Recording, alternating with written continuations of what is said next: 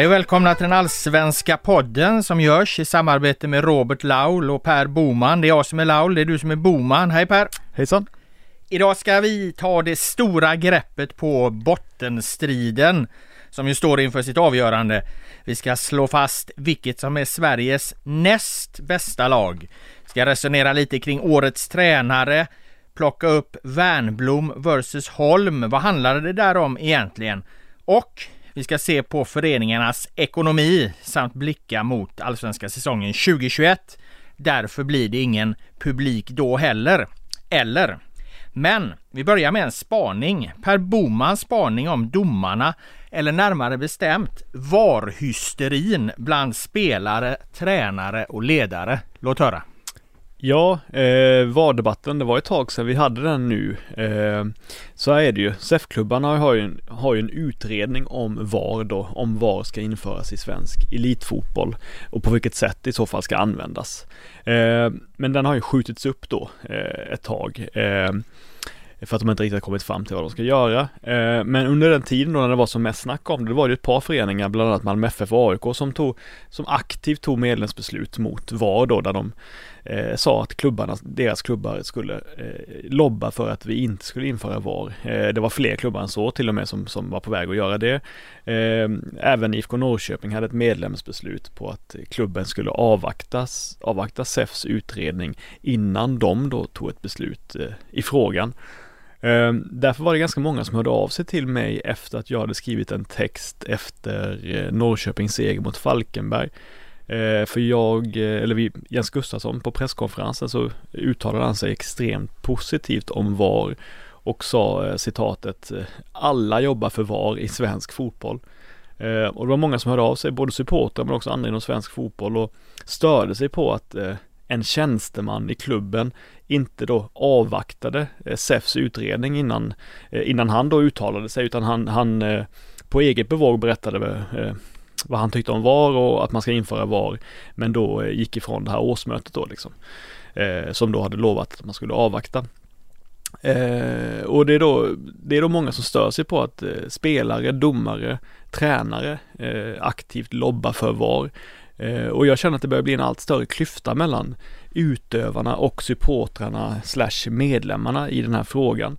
Eh, för det är liksom det, det, är som att både spelare och tränare har så lätt att ta upp VAR och börja gasta om VAR varje gång de missgynnats av ett så enskilt felaktigt domslut i en, i en match. De är väldigt närsynta i frågan, de är så investerade i, i, i den här kärnverksamheten så de blir så berörda av enskilda situationer. Eh, de ser inte makroperspektivet. Så jag tycker att det, det, för dem handlar det om för utövarna handlade så mycket om eh, den totala rättvisan i varje match. Eh, men alltså många som följer fotbollen i stort så handlar det om vilken typ av fotboll vi ska få i framtiden. Så att det börjar bli en brygga där mellan utövare och de som kollar på det eh, mer än tidigare. Vad, vad säger du om det? Jag säger att jag tycker du har helt rätt här kring Jens Gustavsson. Det här uttalandet han gör är ju helt uppåt väggarna. För här är det ju faktiskt väldigt tydligt att i i våras så eh, var det en rad föreningar, precis som du nämner, som tog årsmötesbeslut på att eh, eh, man inte vill ha VAR helt enkelt. Medlemmarna och fansen eh, tog sitt ansvar, eh, respekterade 51 regeln som vi har här i, i svensk fotboll, i svensk idrott och, och det ska vi vara glada för att vi har i ett sånt här läge för att det är ju faktiskt möjligen så att det kommer bli en strid och att den, det enda sättet till slut att stoppa VAR i svensk fotboll blir via de här årsmötesbesluten. Att medlemmarna helt enkelt eh, omöjliggör att Sverige inför VAR och det skulle vara fantastiskt bra såklart om, om eh, Sverige kan eh, undvika VAR, åtminstone så som det fungerar idag. För att det är ju helt uppenbart att VAR funkar inte särskilt bra. Precis det som vi var oroliga för 2018 eh, inför VM där att på, på sikt så kommer debatterna bara flyttas till andra situationer eh, på planen innan något händer. Precis så har det blivit och, och det är oundvikligt. Eh, om man inte accepterar och respekterar att, att, att domare gör fel då kommer det hela tiden bara flyttas. Då kommer man leta nya situationer. Och till slut står man inför en situation då ska liksom VAR användas över hela planen i alla möjliga omöjliga eh, sekvenser av, av spelet med ständiga avbrott och så. Så det finns en mängd rad eller en mängd problem eh, med VAR. Och att införa VAR löser egentligen ingenting. Det alla vill ha bort är ju diskussioner och, och tveksamheter och, och, och, och rättvisare beslut och så. Men det finns alltid ett annat beslut att syna och granska. Det är ju så sporten fungerar. Man måste komma till slutsatsen att vi får acceptera att det blir, blir fel. Och om vi backar bara till när jag spelade fotboll en, en gång för hundra år sedan. Då, då var det oerhört lite diskussion bland spelare, tränare, ledare eh, om domslut. Det var eh, ja, man accepterar det. Man blev mest förbannad på om man kände att en, en domare höll o, ojämn nivå i matchen. Det kom, kunde man bli upprörd över. Missade han en straff eller en hand eller så, men det hade man ganska stor acceptans för. Eh, sen gick det ett antal år här och då har jag mer upplevt att det är fansen som har drivit på en aggressiv ton mot eh, domarna. Nu har spelare, ledare, tränare tagit över den här aggressiva tonen mot, eh, mot domarna och, och rasar egentligen över varenda jävla beslut. Eh, hur, hur liksom litet felet än är. Medan fansen har börjat inse att okej, okay, vi är på väg att måla in oss i ett hörn här. Eh, vi, vi är på väg att driva det här så, så att det verkligen blir VAR. Och den insikten tror jag är bra om den, den sprids ännu mer till supportrar, medlemmar och, och fans att eh, eh accepterar vi inte misstag då kommer vi måla in oss i VAR-hörnet. Och, och, där har man ju backat lite tycker jag. Det är inte riktigt lika starka reaktioner från supportrarna längre. Tyvärr har det här då tagits över, precis som du är inne på i din spaning, av eh, spelare, tränare, ledare och det är för dåligt.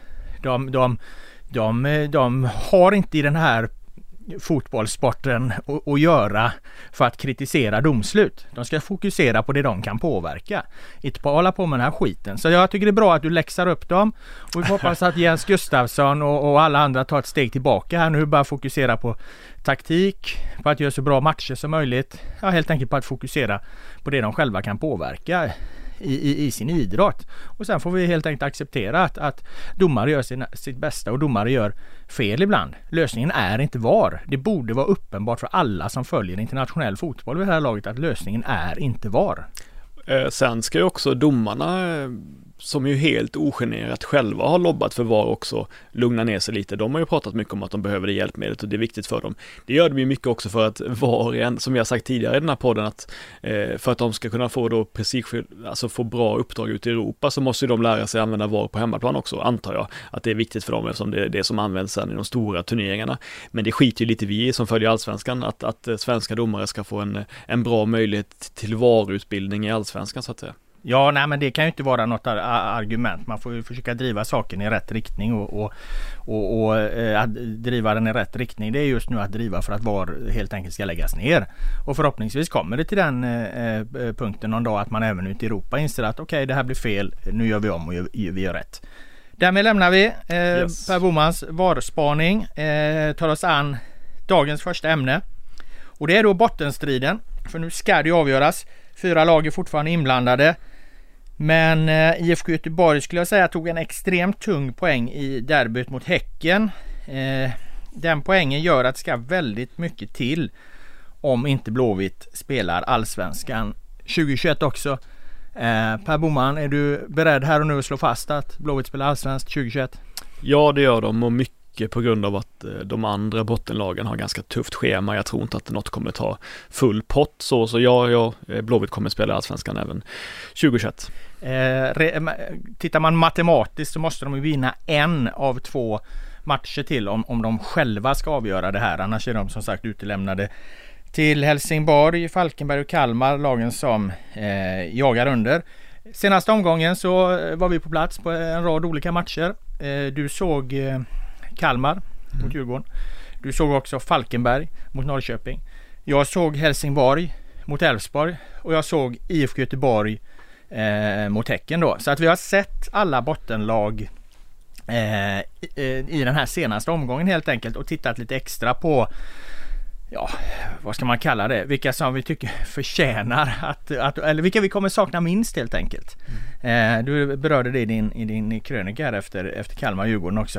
Eh, men om jag börjar då så, så kan vi konstatera att IFK Göteborg har, har väl mer eller mindre räddat upp det här så att det är klart att ur det perspektivet tjänar Blåvitt spela Allsvenskan 2021. Sen är det lite tajtare bland de andra men jag skulle ändå säga att varje gång jag ser Helsingborg, och nu får du rätta mig om jag har fel, Eh, jag, jag, tycker att de är med i matcherna. Mm. Jag, jag har sett dem ganska mycket nu på sista tiden.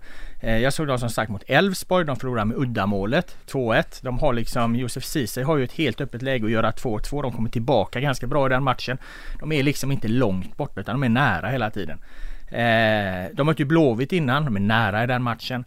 Till och med var de ju ganska nära Malmö FF i Skånederbyt. Det är klart det är derby, speciella omständigheter. Malmö gick väl kanske inte på, på 110 procent i den matchen. Det behövde de ju inte. Men de var ändå nära. Det blev 1-0 till Malmö.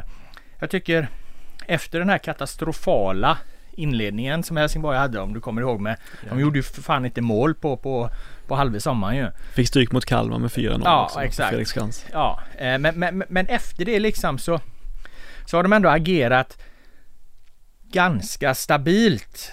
Sen förlorar de ändå alltid till slut och det är klart att det kännetecknar ju ett bottenlag. Att, att, att eh, spela hyfsat, ändå alltid förlora till slut. Eh, men om, om, man då ska ställa dem mot de övriga lagen här nere eh, då alltså, och då tänker jag på Kalmar och Falkenberg. Så tycker jag ändå att Helsingborg sett till den här säsongen är det lag som förtjänar att ta kvalplatsen. Sen ska de givetvis ta de poängen också. Men jag, jag tycker ändå att Helsingborg av de här tre faktiskt är det bästa fotbollslaget. Nej, men jag, jag håller med dig eh, i så motto att Helsingborg har ju spetsspelare också som de andra bottenlagen saknar. De har eh, Martin Olsson, de har eh, Mix Diskerud i viss mån, de har van den Hurk. Eh, Falkenberg har en riktig spetsspelare, eh, Kalle, mittbacken, Kalle Johansson. Eh, Kalmar har möjligen Romario liksom, eh, Piotr Johansson är bra, men en, inga, inga sådär riktiga spetsspelare. Eh, och det tycker jag gör att de skiljer ut sig lite också, att, eh, att de har faktiskt något bättre spelarmaterialet. Så jag är helt enig om att Helsingborg är ett av lagen som förtjänar att ta eh, kvalplatsen. Jag tycker även att Falkenberg skulle kunna förtjäna att få eh, kvalplatsen. Det laget som jag inte tycker förtjänar någonting alls är Kalmar FF. Eh, Denna anrika klassiska mm. föreningen som vann allsvenskan så sent som 20, 2008. De vill inte se allsvenskan längre. Ja men så är det. Jag, eh, som du sa, jag var ju nere och såg deras match mot eh, Djurgården och när man sitter där och ska skriva de så kallade snabbtycken på slutsignal då, då måste man ju kapitulera inför ingivelserna. Alltså man, man får, man får ta den tanken som kommer upp och bara springa med den helt enkelt. Och den tanken jag funderade på var, kommer jag sakna Kalmar FF i Allsvenskan? Ställde den frågan till mig själv och så funderar jag, kommer någon utanför östra Småland sakna Kalmar FF i Allsvenskan? Och det är okänsligt, kanske till och med drygt att hålla på så. Eh, för som du säger, Kalmar FF är en eh, elitfotbollsinstitution i södra Sverige och en anrik förening som dominerar sin region. Ehm, men jag tycker att de har dragits ner i gyttjan under så pass många år, alltså att det har blivit en, som jag skrev i min krönika, medioker irrelevans kring, kring Kalmar FF. Man kan inte engagera sig, man orkar inte engagera sig i deras förehavanden längre. Det har varit ett sluttande plan så pass länge att man mest känner konstigt att de inte har åkt ur allsvenskan tidigare. Eh, de har ungdomsverksamheten, den är, det är det vi alltid tjatar om, den är intressant. Men frågan är om inte den kanske är lite överreklamerad vid det här laget. Eh, I flera år nu har vi sagt att de är väldigt bra på att plocka upp eh, spelare i A3 A-truppen. Men det är ganska få av dem som blir eh, som blir eh, riktigt bra eller 3 plus allsvenskan spelare utan det är, jag tycker inte det är så många som har tagit det där steget till att bli bra eller dominanta allsvenska spelare de senaste fem åren som kommer från den egna, egna eh, akademin. Eh, så att, eh, och det är det de har. I övrigt har de inte så mycket annat, förutom att de spelar på gräs, har en trevlig arena och är en trevlig klubb. Men eh, för min del får de gärna åka ur, det, det är nog dags nu. Alltså det är ju så med, med eh, Kalmar och nu ska jag tjata om min ekonomi igen för att eh, korrelationen mellan omsättning, ekonomi och, och tabellplacering är ju någonstans 95 i, i, i allsvenskan. Jag har hört en siffra 94% en på, på 96% Vi säger 95 Alltså utifrån, utifrån hur, eh, hur mycket eh, stålar du har helt enkelt. Där hamnar du också i, i tabellen. Eh, och eh, Kalmars omsättning, Kalmars eh, möjligheter att spendera pengar eh, har ju liksom stadigt gått neråt. Och eh, prestationerna har följt på det. Och eh, de gick ju igenom ett stålbad här, alltså redan innan coronan så ska ju de ner. Eh, och sen så slog ju coronan till och gjorde, gjorde det ännu jävligare för dem.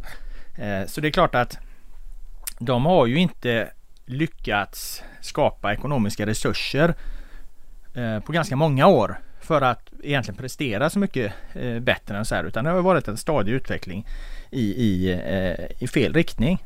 Och då är det inte särskilt konstigt att, eh, att de till slut också kommer ramla ur eh, den här allsvenskan. De kunde gjort det i fjol, de kvalade i fjol. De gör det förmodligen i år.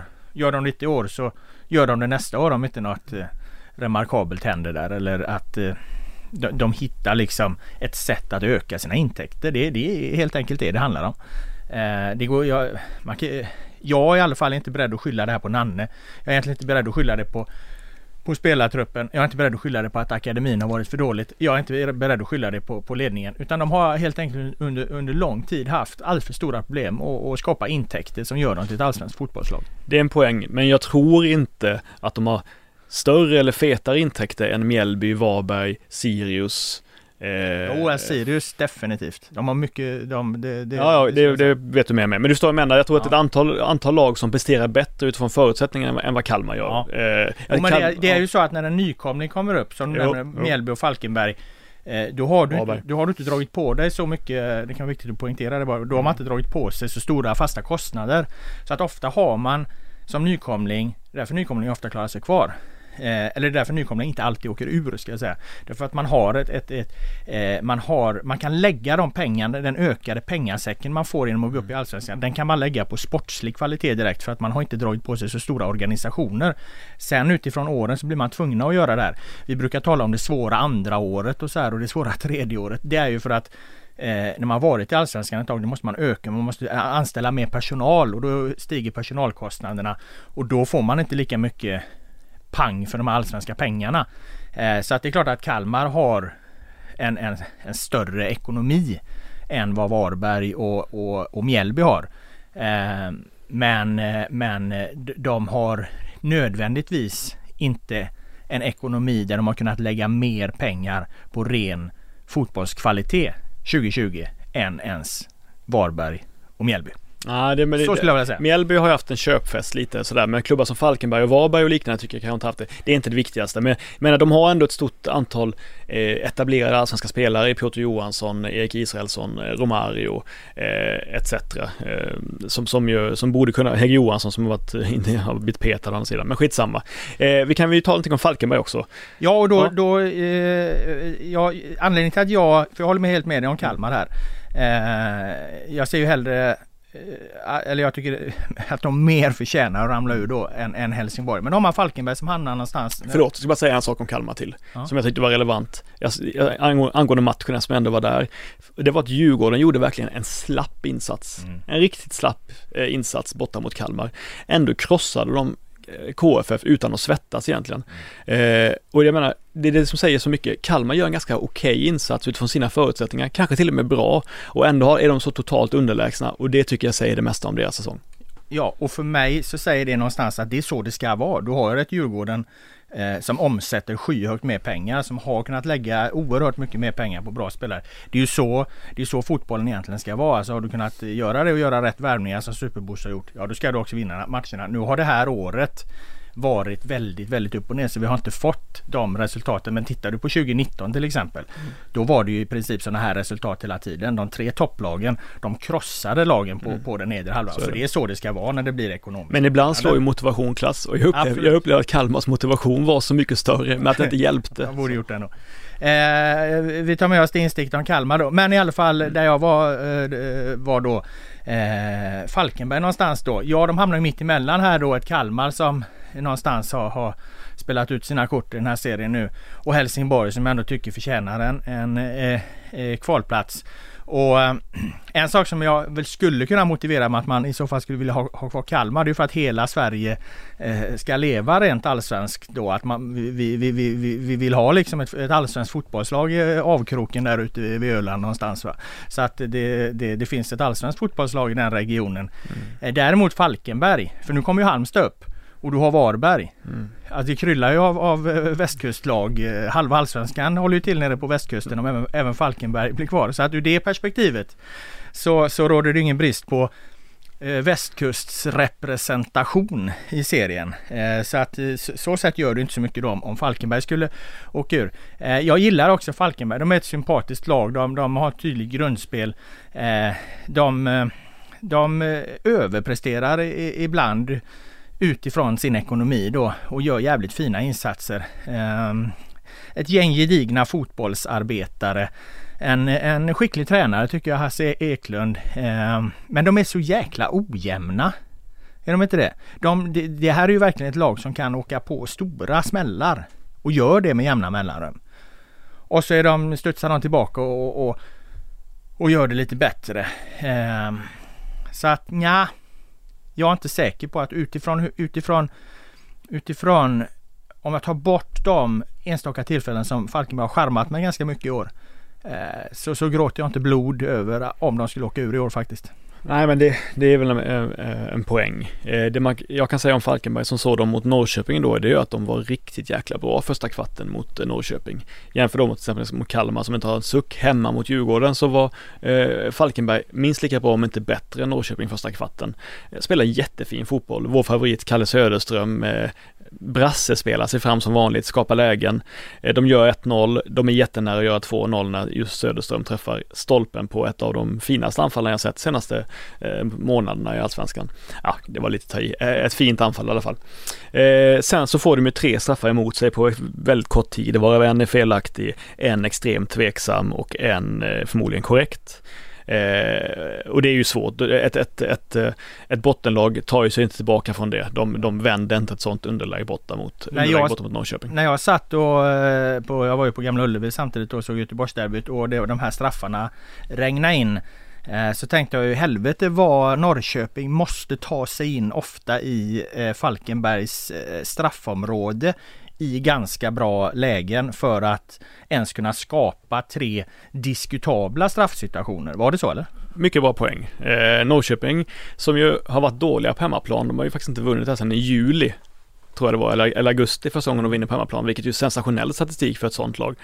Eh, men de, eh, de, som du säger så har, tycker jag att deras, eh, deras spel var bättre än på länge faktiskt, Norrköping. De har ju säkert eh, 40-50 gånger per match har de ett ett jävligt vasst bollinnehav precis utanför motståndarnas straffområde. De försöker sticka in, de kommer in med lyror. Inte särskilt effektiva alltid, men, men eh, är ju såklart jävligt obehagliga att möta och som du säger skapa situationer där det kan bli diskutabelt. Mm. Och det är ju starkt. Det är ju, det, det är ju därför man får straffar också, för att man är ett offensivt lag. Ja, och det är därför eh, storklubbar så att säga som är bättre eh, i regel får fler straffar. Så ser det ut över hela världen därför att de är oftare inne i straffområdet och skapar oftare situationer. Eh, så att då får de också fler tveksamma domslut med sig. Han sa ju också det efteråt sen då, eh, Hasse Eklund, han menar ju att eh, eh han var ju bitter såklart, frustrerad, inte på något sätt eh, dryg, men, men han, eller, eller, eller, eller liksom fientlig mot domarkåren, men han menade, ja nu har ju Norrköping varit ute och gnällt om att de inte får straffar, nu får de tre poäng en gång, så det kanske är det som är melodin fram, i framtiden, att man ska gå ut och sätta press på domarna. Jag parafraserar, han sa ungefär så. Jag förstår. Men och du sa ju här till mig att en var eh, felaktig, en var tveksam och en var korrekt va? Mm. Vad sa Simon Tern efter matchen när de hade fått då alltså en felaktig, en tveksam och en korrekt straff mot sig? Simon Tern som för ett tag sedan var ute och mer eller mindre rakt ut antydde att domarkåren har varit emot IFK Norrköping. Han sa att alla tre var korrekta, vilket var ett kul citat i sammanhanget ju. Ja, kul, kul, och kul, men det gör ju också att, att den eh, lilla respekt man hade för honom, den sjönk väl ner mot fryspunkten. För att skulle man, ska han ha någon trovärdighet i den frågan, då måste han ju också kunna resonera om domarkvalitet eh, när man själv har tjänat på det. Annars blir det ju bara en partsinlaga. Hade Simon Tern liksom gjort en nykter analys precis som du gjorde nu. En var felaktig, en var tveksam, en var korrekt ja då hade min respekt för Simon Tern åkt upp lite. Nu åkte den ner mot fryspunkten som sagt. eh, Jonathan Lever däremot, eh, han, var, han, han ställde sig på, på Falkenbergs spelarnas sida och sa att eh, han hade varit vansinnig om han var Falkenbergs spelare. Ja men Levi är en hedersman på alla sätt och dessutom så eh, hade han ju en, en spektakulär frisyr dagen, dagen till ära. Han, eh, jag, ty han, jag tycker han är underbar på det sättet. Han skapar rubriker alltid på ett positivt sätt en rosa färg, det skänker ju någon form av glädje i fotbollsvardagen, gör det inte det?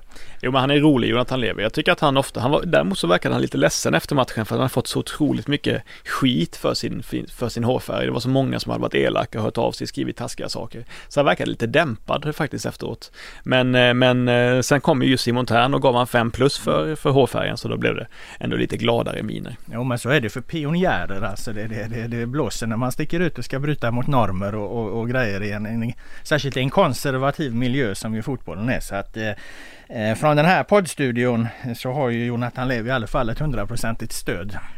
Eh, jag bara säga det, starkt att sätta tre straffar som Nyman gör också. Eh, väldigt fina allihopa, vänta ut Viktor Noring varje gång. Kanske märkligt att Noring inte till slut valde att stå kvar och, och, och liksom vänta ut Nyman tillbaka, men han slängde sig snabbt åt ena sidan varje gång så Nyman kunde placera in dem. Så det var ju eh, skickligt gjort av skytteligaledaren. Annars är ju att eh, så här liksom eh, stanna upp, tveka på en straff är ju dömt att misslyckas. Jag tycker ofta eh, spelare som gör det inte riktigt behärskar det. Men jag har faktiskt ett exempel också för Per Frick gjorde ju det mot, mm. mot Helsingborg. Han klarade också liksom att, att bromsa lite precis där innan och så la han in den. Han har lite mer det hoppsa-steget också ja. Eh, eh, Tern, eller förlåt, Nyman är mer traditionell i sin stand, stopp. Eh, det här för ju oss fram då till den här säsongens viktigaste fotbollsmatch. Vi har tidigare pratat om att Årets viktigaste ögonblick i Allsvenskan var när Emil Holm nickade in matchens enda mål för IFK Göteborg mot Helsingborg. Eh, en seger här i, i, i förrförra omgången då som, som i praktiken räddar IFK Göteborgs kontrakt på många sätt. Eh, nu har vi då en fotbollsmatch mellan just Helsingborg och Falkenberg som vi precis har pratat om. Eh, och den matchen, eh, ja i och med att det är så stora konsekvenser för ett lag som åker ur eh, allsvenskan. Särskilt skulle jag säga om Helsingborg med deras liksom genombedrövliga eh, e-, ekonomi gör det. Eh, så blir ju det här en, en, en, ren final och egentligen den, den eh, enskilda fotbollsmatch eh, i år som är allra viktigast. Ja, Efter ett senare kval då, där, men kvalet betyder ju alltid väldigt mycket såklart. Nej men det är intressant och, och det är ju jäkligt, jag menar, Helsingborg har ju 22 eh, poäng, eh, minus 16 i målskillnad. Falkenberg har 23 poäng, minus 20 i målskillnad. Kalmar FF har 24 poäng, minus 20 i målskillnad också. Som båda två har minus samma då i målskillnad, eh, Kalmar FF och Falkenberg. Det får mig att säga att jag tror att det räcker med att Falkenberg tar ett kryss mot, borta mot Helsingborg så kommer de få kvala, få vara kvar i Allsvenskan. Mm. Eh, så är det ju. För att eh, Helsingborg måste vinna den här matchen. Eh, och är det någon jävla gång de ska vinna så är det väl nu då. Eh, jag tror ändå faktiskt att, att de har en bra chans att göra det. Eh, som sagt, de har varit så jäkla nära i många matcher. De har den här liksom eh, spetskvaliteten i de här tre spelarna. Särskilt då eh, Olsson, Diskerud, Van der Hurk. Eh, ska de, eh, ska de eh, kliva fram någon gång så är det ju nu de ska göra det. Ehm, och ehm, som sagt, den, den liksom den insatsen jag har, insatsen jag har på näthinnan efter, efter deras 2-1 förlust mot Elfsborg. Det, det, det, är att det är inget lag som, som eh, ska behöva förlora poäng mot Falkenberg i en sån här viktig match. Så att eh, jag lutar mig faktiskt mot det och tror att Helsingborg vinner.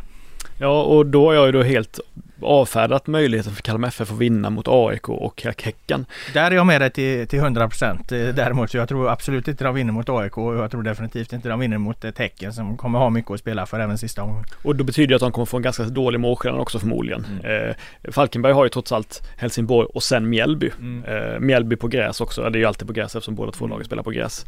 Eh, så att eh, jag tycker att det är... Ja, Mjällby är formstarka ska man så inte glömma. Så är det, på hemmaplan de, väldigt de, De trummar ju på, på eh, Ja, och de slog ju Sirius borta här nu så att mm. Eh, eh, absolut. Nej men det är, det är därför jag menar att den här matchen mellan Helsingborg och Falkenberg blir så oerhört viktig. Mm. Mm. Och den blir ju, det är ju faktiskt någonting att, att se fram emot. Inte för eh, spelet för att man ska inte räkna med något skönspel men däremot för den, den liksom eh, inneboende dramaturgin i det här mötet. Då. Så om du ska, då, då, tror du helt enkelt att... Ja, jag tror att Helsingborg, eh, jag tror och hoppas, om jag får säga så, att Helsingborg reder ut det här. Eller i alla fall ta sig till ett kvalspel. Ja, och jag tror att det blir Falkenberg som får kvala. Mm.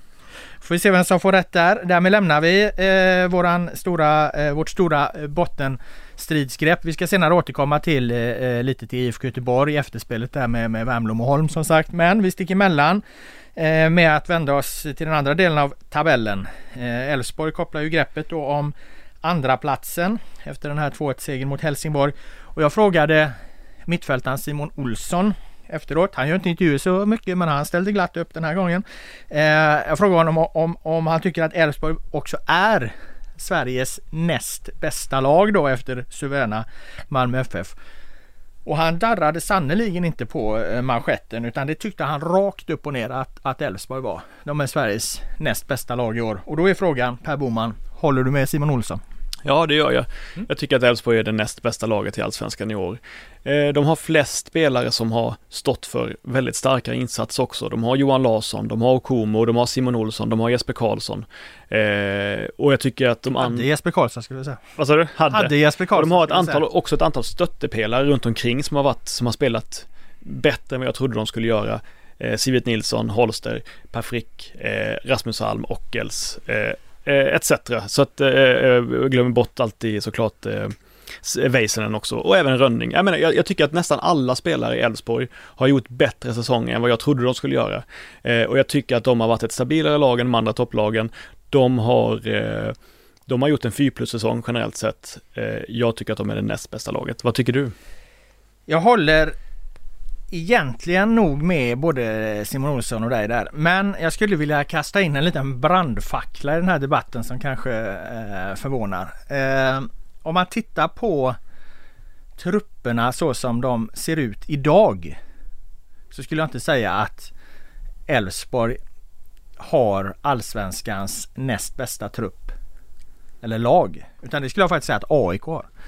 AIK efter sina sommarvärvningar eh, Sotte, Rogic, Lustig eh, till en redan stark trupp som överhuvudtaget då inte fungerade i, i början, vilket vi har diskuterat många gånger.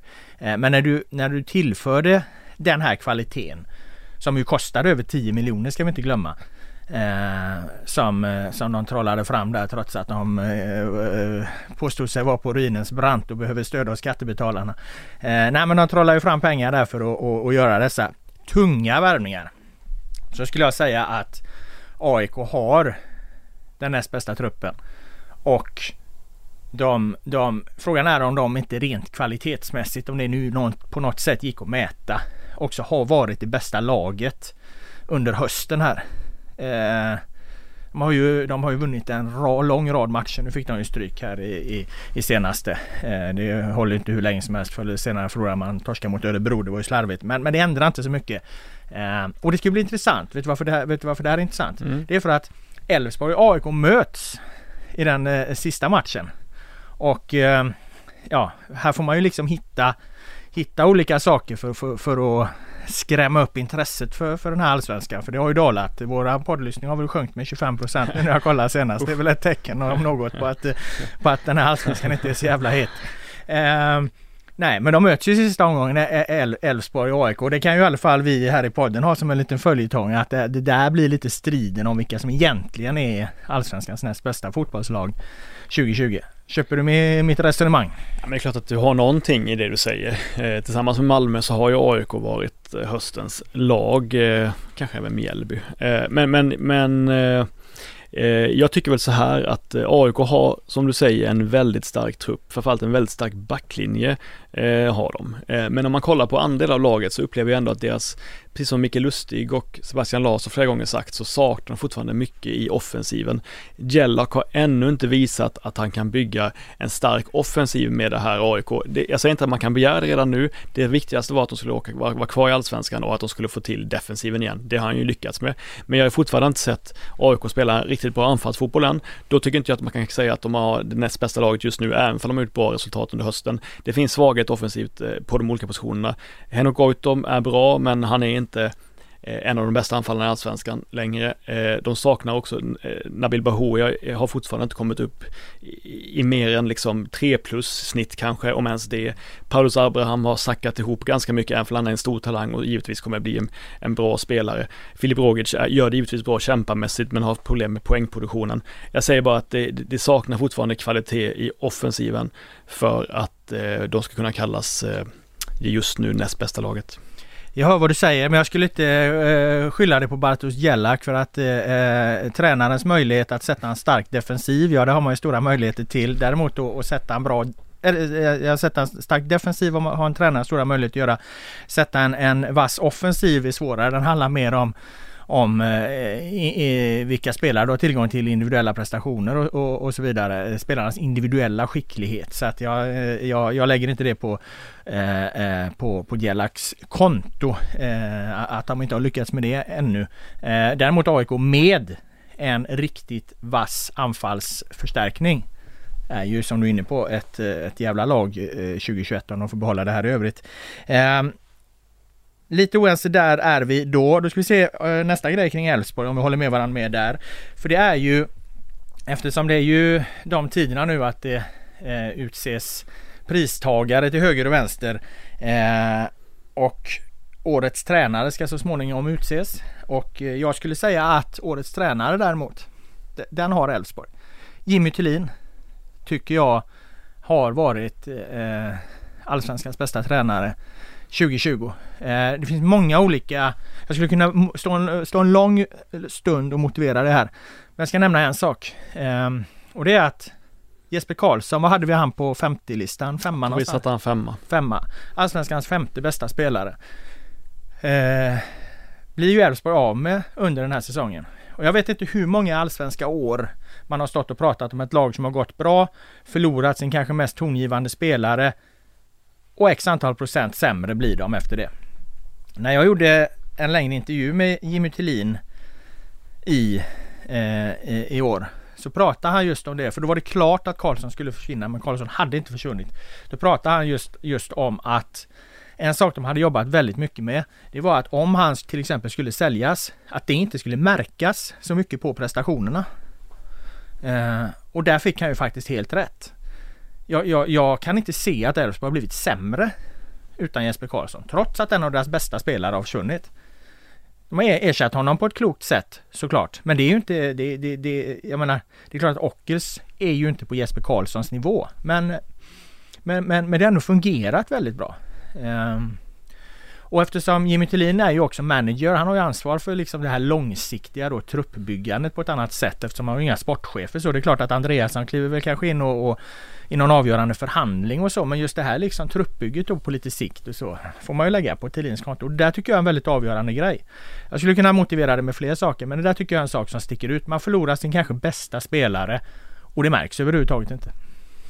Eh, nej men det är klart att Jimmy Tillin är eh, den kanske starkaste kandidaten. De som skulle kunna utmana är ju givetvis Jon Dahl Tomasson. Det är eh, Marcus Lantz i viss mån, eh, det är eh, Jocke Persson och trots att de har sjunkit mycket mot slutet, även Henrik Rydström tycker jag, för att jag, jag tippade ju att Sirius skulle åka ur. Det har de inte varit i närheten av att göra och tvärtom varit mycket, mycket bättre än så. Så därför tycker jag inte man ska ta bort honom än från en sån eh, eventuell shortlist. Håller med. så jag tycker det varit, tycker alla de har gjort jämförbara insatser faktiskt, de här, de här tränarna, så att det är ju ett slappt tråkigt svar då eh, av mig. Eh, om jag skulle välja en av dem du är ju tvungen att välja en för vi är ju med i den här mm. SEFs, eh, den här galan där eh, har vi ju varit tvungna att fylla i så att någon satte du ju först. Ja. Om man ska ställa dig mot väggen här nu. Vem satte du först? Ja, jag sitter och funderar på det. Jag satte Thelin kan jag ju känna då. Jag tror jag satte Jon Dahl Tomasson först ändå faktiskt. Det är klart Med att... sitt självspelande piano. Ja, det är klart att eh, det, jag vet ju, jag känner till, jag känner till kritiken mot att det alltid är den som, eller ofta den som vinner allsvenska som blir årets tränare. Det är ju lite slappt och tråkigt. Jag brukar försöka hålla mig borta från det. Men just i år när det var så pass överlägset, när det var få andra topplag som överhuvudtaget kunde hävda sig, då tycker jag att det var en styrka av Jon Dahl Tomasson att förändra spelsättet och, och vara så pass överlägsna, överlägsna i allsvenskan. Även fall de misslyckades med Europa ju som såklart är minus på hans konto. Eh, sen är, nej men jag säger Jonas Thomasson. Mm. Ja, ja, ja, ja, jag hör att du, du har argument. De är inte mm. rätt, men det är argument. Så kan man väl sammanfatta det ja. i alla fall eh, mot vad jag tycker.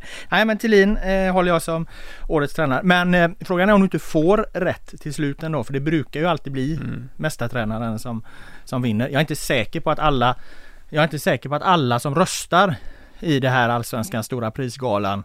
För det består ju av spelare och eh, vad fan är det, lagkaptener och, och allt möjligt. Och en massa jävla journalister. Och en massa journalister liksom som, eh, som också är fullt upptagna med annat. Så att eh, jag är inte säker på att alla har liksom den insynen och kan verkligen förstå och ta till sig Jimmy Tillins gåva till Elfsborg 2020 utan det blir nog lätt att man, man fastnar i, i Det enkla valet. ja det enkla valet, mm. Tomasson-spåret där. Mm. Så att du kanske får rätt till slut där ändå. Um, vi lämnar årets tränare. Vi går eh, över till Göteborgsderbyt då som sagt. Eh, Blåvitt-Häcken, Gamla Ullevi. Det, för det var ju ett eh, uppseendeväckande efterspel där. Pontus Wernblom ständigt denne Wernbloom. Han hyvlade ju av Emil Holm, Blåvitts unge inhoppare.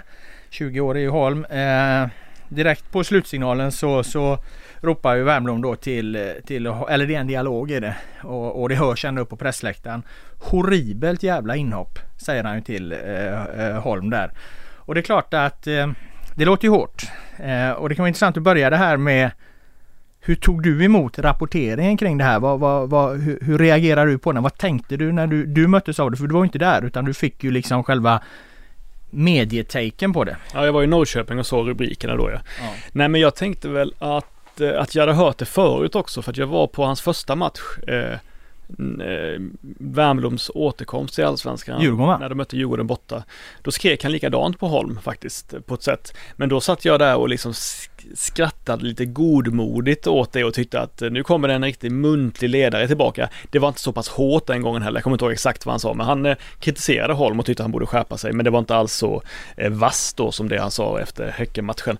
Eh, nej men jag reagerade väl om att så, så här som att jag blev inte överraskad eh, alls eh, och jag tyckte väl att eh, att det lät hårt helt enkelt. Mm. Att han gick över gränsen? Över gränsen, ja, det var väl den spontana känslan. Inte att det var något katastrofalt eller någonting som man ska eh, löpa liksom medialt gatlopp för alldeles för mycket. Men ja, det var väl i viss mån över gränsen i vad man borde säga till en lagkamrat. Jag håller med eh, och det skrev jag i min krönika att jag tycker att det var över gränsen och det tyckte uppenbarligen Pontus Wernbloom själv också. För att han hade ju bett om ursäkt till Emil Holm efteråt. Och eh, Emil Holm hade, tog emot den här ursäkten sa han. Alltså det finns ju väldigt många ingångsvinklar på det här som är ganska intressanta för det, det, det säger eh, mycket om mycket så att säga. Man kan väl börja med att de reaktioner då, nu hörde vi din reaktion där och min reaktion och kan man ju uh, titta på hur reagerar då IFK Göteborgs fans eller fans i allmänhet på det här och jag skulle säga att det det bildas ganska snabbt två rätt svartvita läger kring en sån här grej.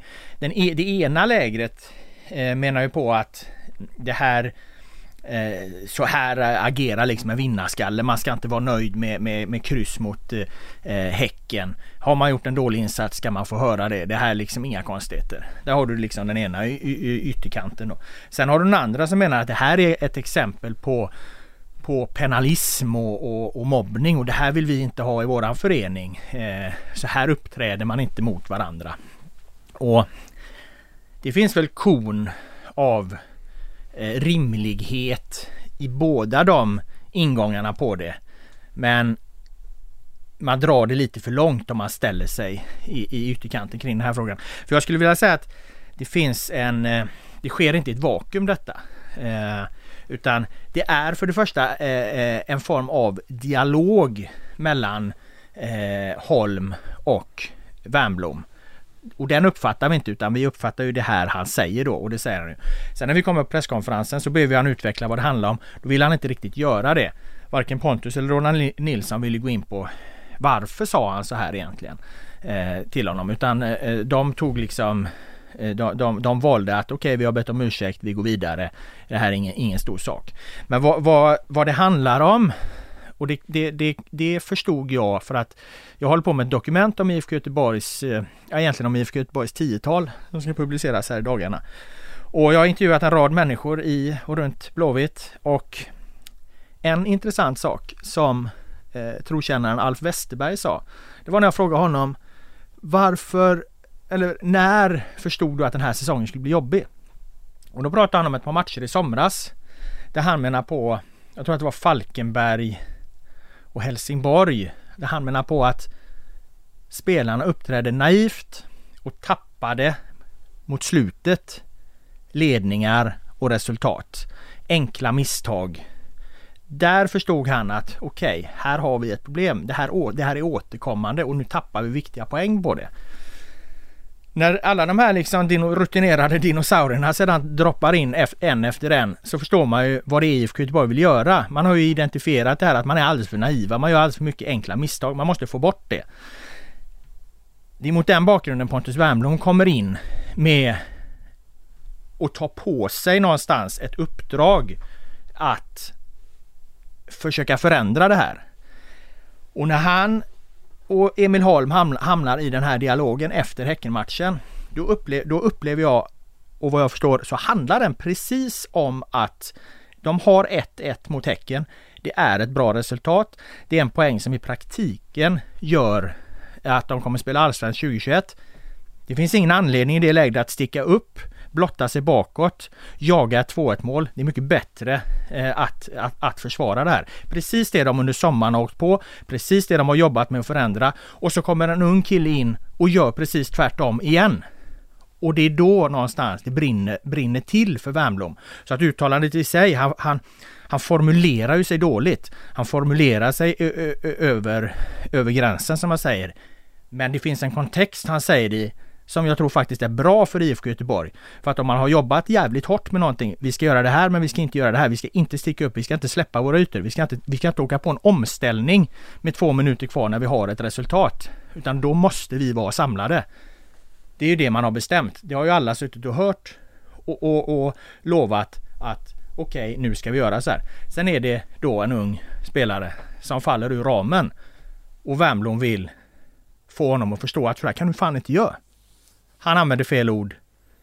Men efteråt så pratar man om det, ber om ursäkt och saken ur världen. Och därför tycker jag inte det är så jävla farligt. Därför jag, jag tror någonstans det är ett, det är ett tecken på, på, på hur ett lag på sikt kan utvecklas också. Och hur en ung spelare kan lära sig och också hur en gammal eh, räv kanske eh, får, får tänka lite på hur fan han uttrycker sig. Pontus Wernbloom är väl den spelare i Sverige som har förlorat mest på att det inte är någon publik på läktarna eftersom allt han säger hör, hörs ju. Och han är ett stort namn och det blir stor, stor, stor debatt om det han säger. Så att eh, det långa resonemanget leder mig fram till att eh, ja, det här var en intressant situation. Man behöver inte fördöma den så hårt, precis som du var inne på.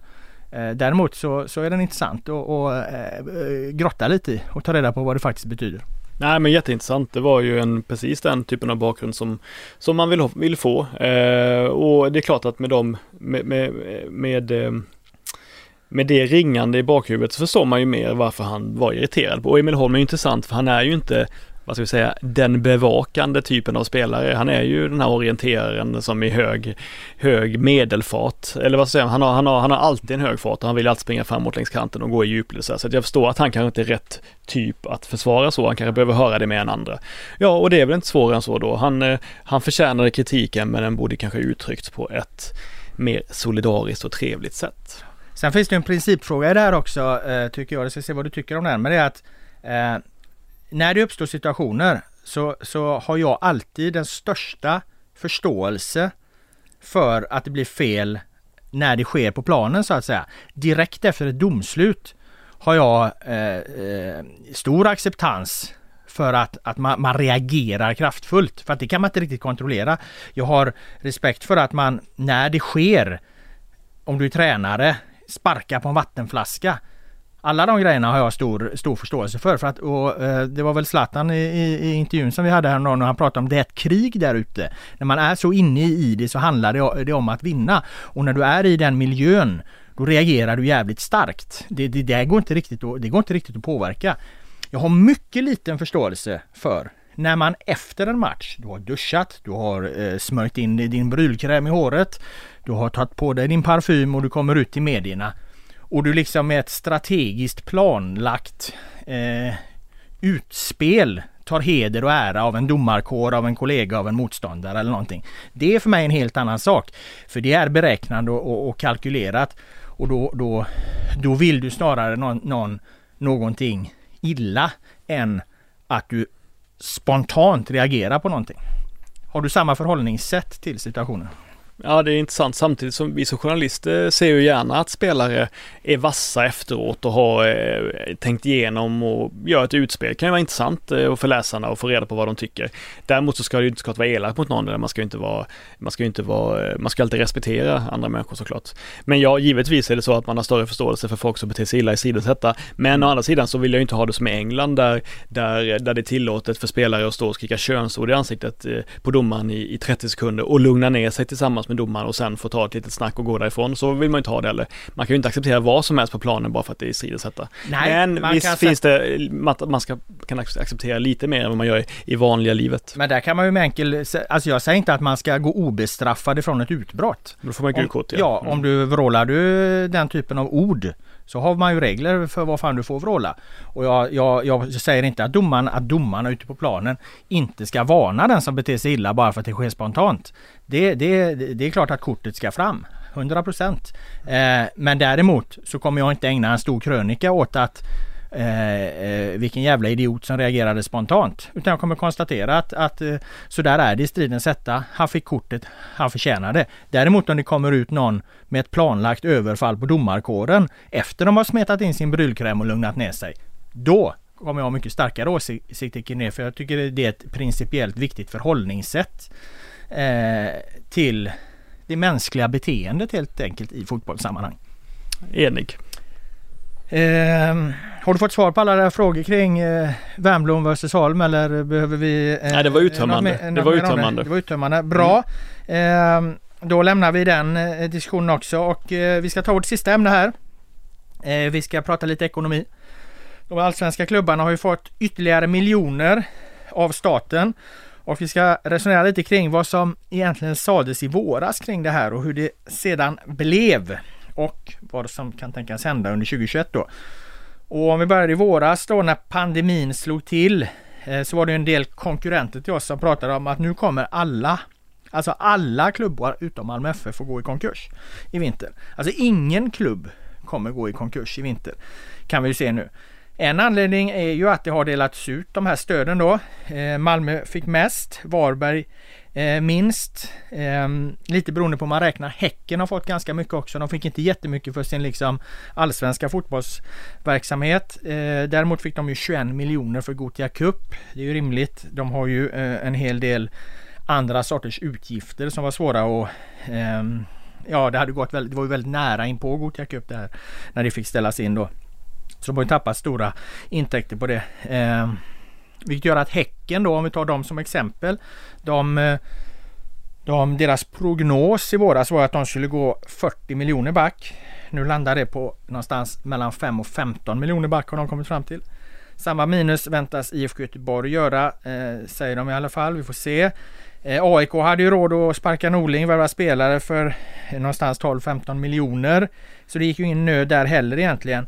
Eh, och man kan väl så här nu då konstatera att det har gapats väldigt mycket efter pengar trots att det inte har varit den kon på isen som man i våras ville få det att framstå som.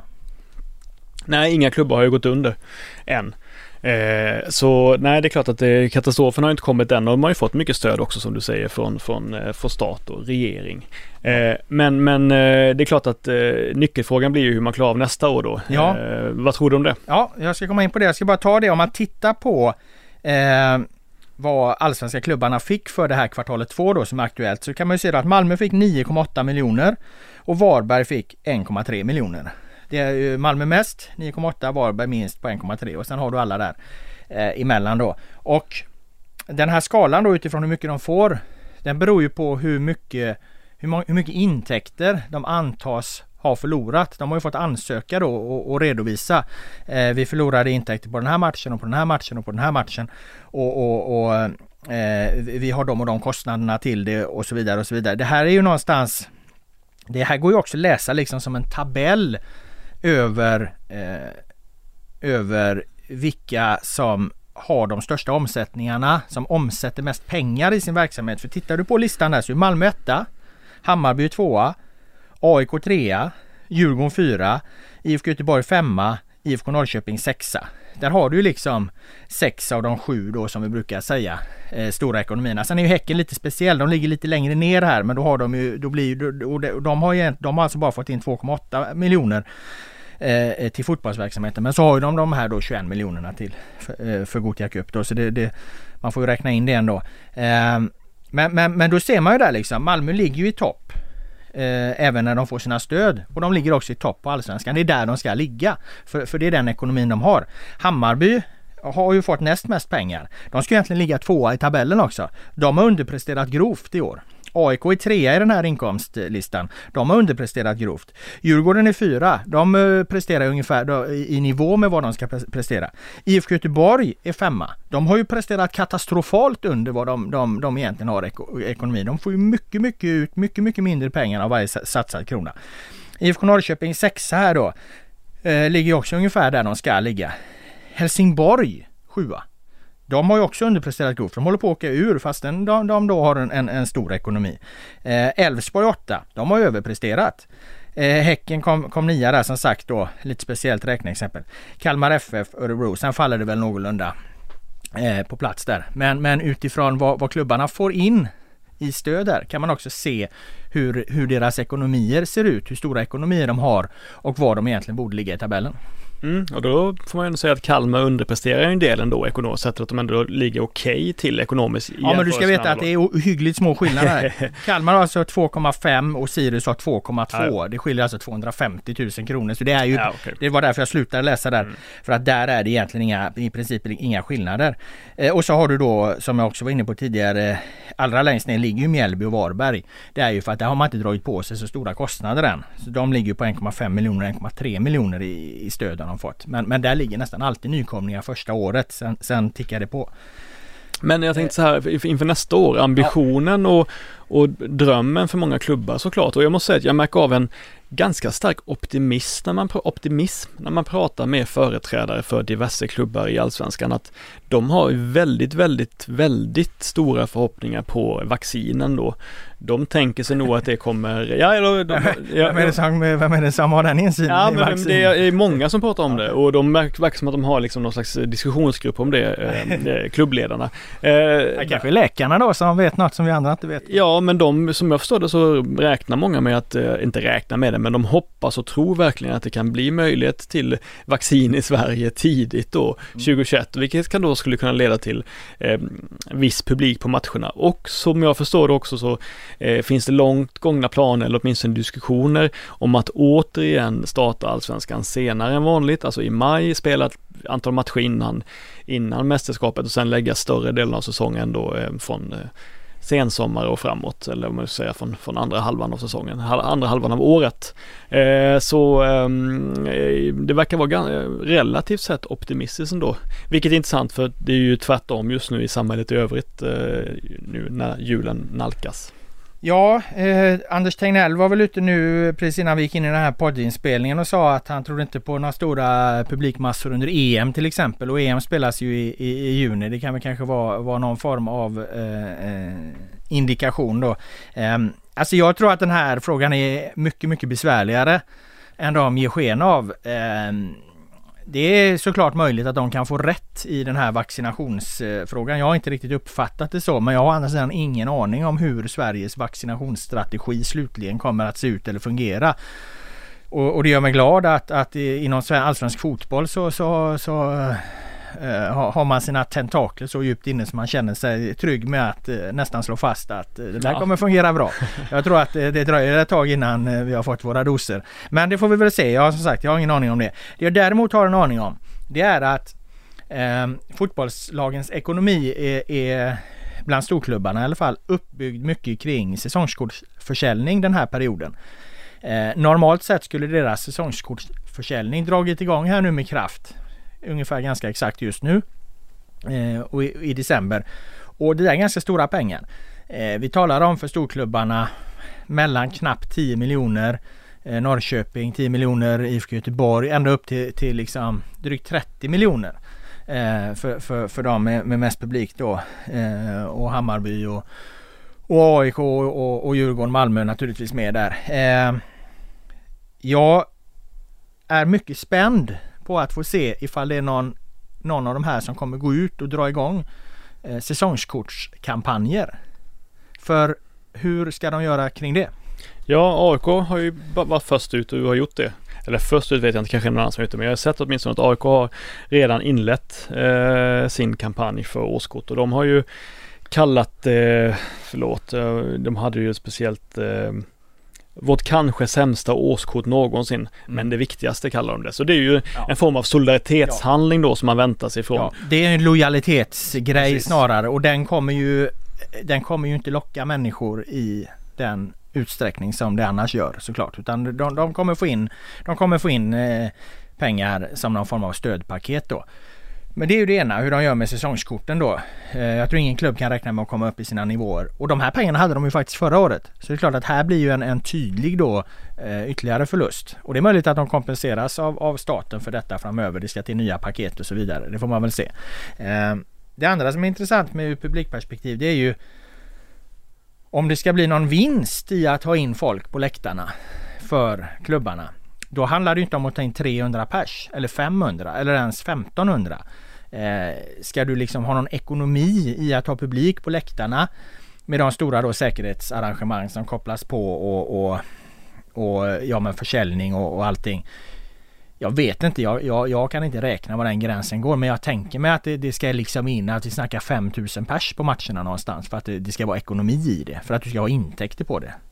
Rätta mig om jag har fel, jag vet inte, nu skjuter jag lite från höften men jag kan tänka mig att, att ska det vara värt liksom eh, för de stora klubbarna att tjäna pengar på det, att, att, att återgå till någon, någon slags normalitet. Då måste man ha in x antal tusen.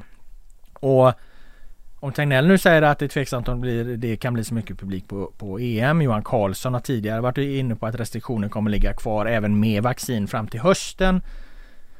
Och man därefter ska kicka igång något system. Ja men då talar vi ju nästan om att 2021 kommer heller inte bli något år då, då, då klubbarna kan förvänta sig några intäkter från publik. De kanske kan förvänta sig publik. Men de kan inte förvänta sig, de kan inte budgetera med några stora intäkter för det. Och då får vi se då om staten kompenserar dem ytterligare ett år. Nej men det är absolut och jag tänkte bara nämna det för vi har ju pratat om det tidigare det här med att AIK hade eh, det här eh, att de tog beslutet om all, alla eller ingen ja. eh, på matcherna. De har då eh, reviderat det beslutet nu till slut och ja, sagt att de kommer inte de kommer inte följa det längre utan de kommer då eh, visst selektera vilka som får gå på matcherna om de behöver göra det. Fick han vika ner sig då Westram alltså? Ja det verkar, det verkar så som att de eh, har, men det är väl bra att de har ändrat sig å andra sidan. Det är det enda rimliga i sammanhanget. Jo, jo det är klart, det är jättebra, det ska man hylla. Men det var ju roligt att Westram med sån kraft hamrade fast det här då att Ja för det var ju inte, det, det som är intressant i det sammanhanget, det var ju inte bara ett beslut, det var ju ett principbeslut. Så att, eh, men, men inte längre då. Den här striden har vi täckt dåligt tycker jag. Eh, ja du menar Eller att, eh, la han sig bara platt direkt Western? Nej men det här är inte, det är inte Western som uttalat sig, det är AIK Fotboll som har, ja. det, det, finns med. Ja men de kör ju över sin egen VD då. Jag misstänker att han har varit delaktig i beslutet, att det är, att det är, är ett kollektivt beslut från AIKs ledning. Bra Boman, eh, har du något mer? Nej, nej. Eller ska vi stänga igen butiken där? Tycker jag. Eh, en timme ganska exakt då. Ja men då gör vi det. Om du inte har, har något mer som sagt så tackar jag dig Boman för dina åsikter, kloka synpunkter. Jag tackar alla som har lyssnat. Den allsvenska podden är tillbaka nästa vecka. Nu blir det The Village Stompers med Washington Square.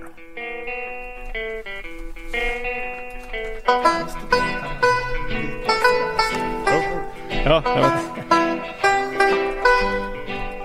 Det smögs in lite i